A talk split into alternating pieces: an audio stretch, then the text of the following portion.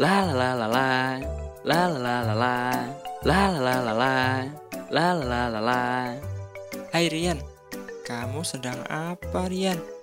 Aku sedang belajar untuk mencapai cita-citaku. Memangnya apa cita-cita kamu Rian? Aku ingin menjadi PNS dong. Kalau kamu Kalau aku ingin menjadi atlet e-sport. Oh, penjaga warnet.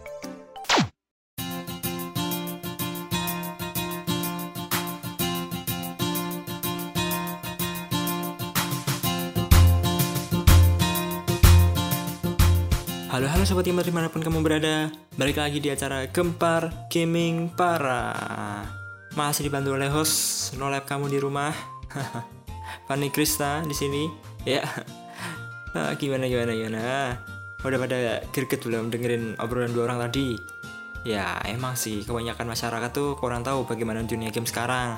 Nggak hanya sekedar main Sekarang dunia game sangat-sangat menjanjikan sobat gamer. Dan bahkan membuat banyak lapangan pekerjaan Nah, untuk itu tim kami telah melakukan survei nih tentang bagaimana sih menurut masyarakat prospek kerja di dunia game. Langsung aja check it out, check it bro. Menurut saya kurang menjanjikan. sebenarnya menjanjikan itu sangat menjanjikan. tapi masalahnya di Indonesia itu industri e-sport masih dianggap sepele sama masyarakat umum Karena orang-orang di lingkungan tempat saya tinggal kurang berminat terhadap hal tersebut. Tapi untuk akhir-akhir ini kan juga sudah mulai berkembang banyak developer pengembang pembuat game dari Indonesia yang mulai memproduksi gamenya secara massal Misalnya saja game di Indonesia yang populer di zaman sekarang yaitu Trade Out. Beberapa orang masih belum familiar dengan pekerjaan yang dapat dihasilkan melalui game ini. Ada juga bahkan yang meremehkan bidang pekerjaan ini. Memang, perkembangan pada dunia game ini belum terlalu tampak di beberapa daerah. Untuk menghilangkan stereotip itu, stay tune terus ya di Gempar.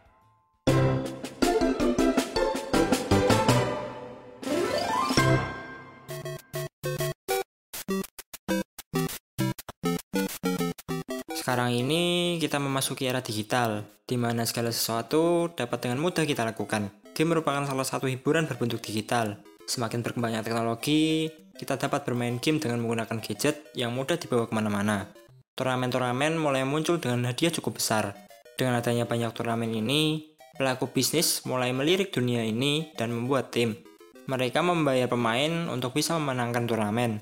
Pada suatu tim juga butuh manajemen untuk mengatur tim e-sport tersebut. Di sektor dunia kreatif juga bermunculan konten kreator tentang game. Ada juga streamer-streamer yang mendapat uang dengan istilah saweran dari viewersnya. Lalu, bagaimana dengan sektor pembuatan gamenya? Yuk simak penjelasan dari Kak Kalib, mahasiswa desain teknologi permainan dari STMM MMTC Yogyakarta. Kenapa sih Kak memilih kuliah jurusan desain teknologi permainan ini?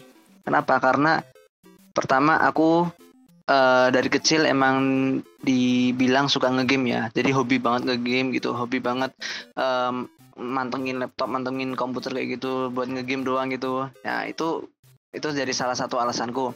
Terus yang kedua karena di apa namanya di website itu pernah dikatakan kalau di TP itu ada kayak mata kuliah menggambar lah atau apalah gitu. Nah, itu membuat saya menjadi alasan kedua. Kenapa? Karena saya juga suka gambar. Jadi eh apa saya eh, memilih kuliah jurusan DTP karena saya mencari enaknya saya di mana gitu loh. Jadi sudah berdasarkan hobi, hobi saya ngegame juga dan base saya atau dasar saya, skill saya dasarnya itu suka menggambar begitu. Terus gimana kak tanggapan orang tua? Soalnya kebanyakan orang tua kan masih mempertanyakan gimana sih prospek kerja di dunia game. Tanggapan orang tua itu eh bagaimana ya? Dibilangnya itu yang penting yang penting saya nyaman gitu loh. Yang penting saya nyaman buat kuliah di sini. Bukan bukan masalah nyaman, tapi bener-bener bisa menjalani apa enggak. Karena di luar kan banyak yang merasa kayak aduh aku salah jurusan. Aduh se- seharusnya aku nggak di sini gitu. Aduh kok berat banget sih kuliah ini. Nah itu aku nggak pengen ada kayak gitu kan.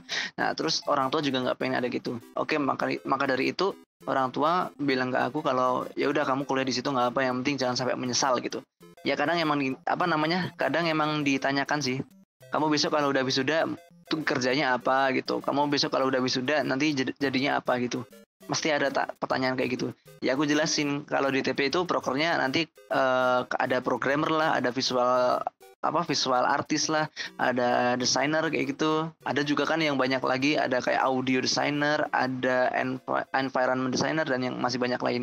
Nah, di akhir acara ada Kak Yudan Tama nih, seorang content creator gaming yang akan memberi pencerahan tentang gimana sih prospek kerja di dunia game sebagai content creator hingga menjadi pro player. tentang dunia game yang bahwa masyarakat ini dikatakan tidak bisa menghasilkan uang itu kalian salah besar bahwa dunia game ini adalah lahan gandum lahan pertanian buat menghasilkan uang untuk di zaman sekarang. Kalian ngapain coba? Kalian bisa coding coding untuk bermain game itu dapat uang. Kalian bisa bermain game berlatih terus ikut e-sport. Kalian dapat uang. Kalian streaming di YouTube kalian dapat uang. Kalian bikin video momen lucu dalam game ini kalian dapat uang di YouTube. Banyak yang nonton dapat uang. Semua dari masyarakat itu sendiri kalau game tidak bisa menghasilkan uang itu adalah pemikiran yang lampau ataupun bisa dikatakan jadul. Kalau misalkan orang-orang seperti itu menurut saya ya tidak bisa menerima teknologi semakin maju. Jadi mau di apa-apain ya juga susah gitu menurut saya. Jadi, gimana nih sobat gamer? Masih belum percaya kalau jadi gamer itu bisa menghasilkan? Buat orang tua yang masih ngelarang anaknya main game, buka mata hati Anda, Pak, Bu. Biarkan anak Anda main, biar makin jago. Tapi buat mas-mas yang main game terus tapi nggak jago-jago, ya mending segera kirim CV ke perusahaan, daftar kerja. Di sana gunung, di sini gunung, tengah-tengahnya pohon kelapa. Makasih udah ikut nimbrung, cukup sekian dan sampai jumpa. Bye bye.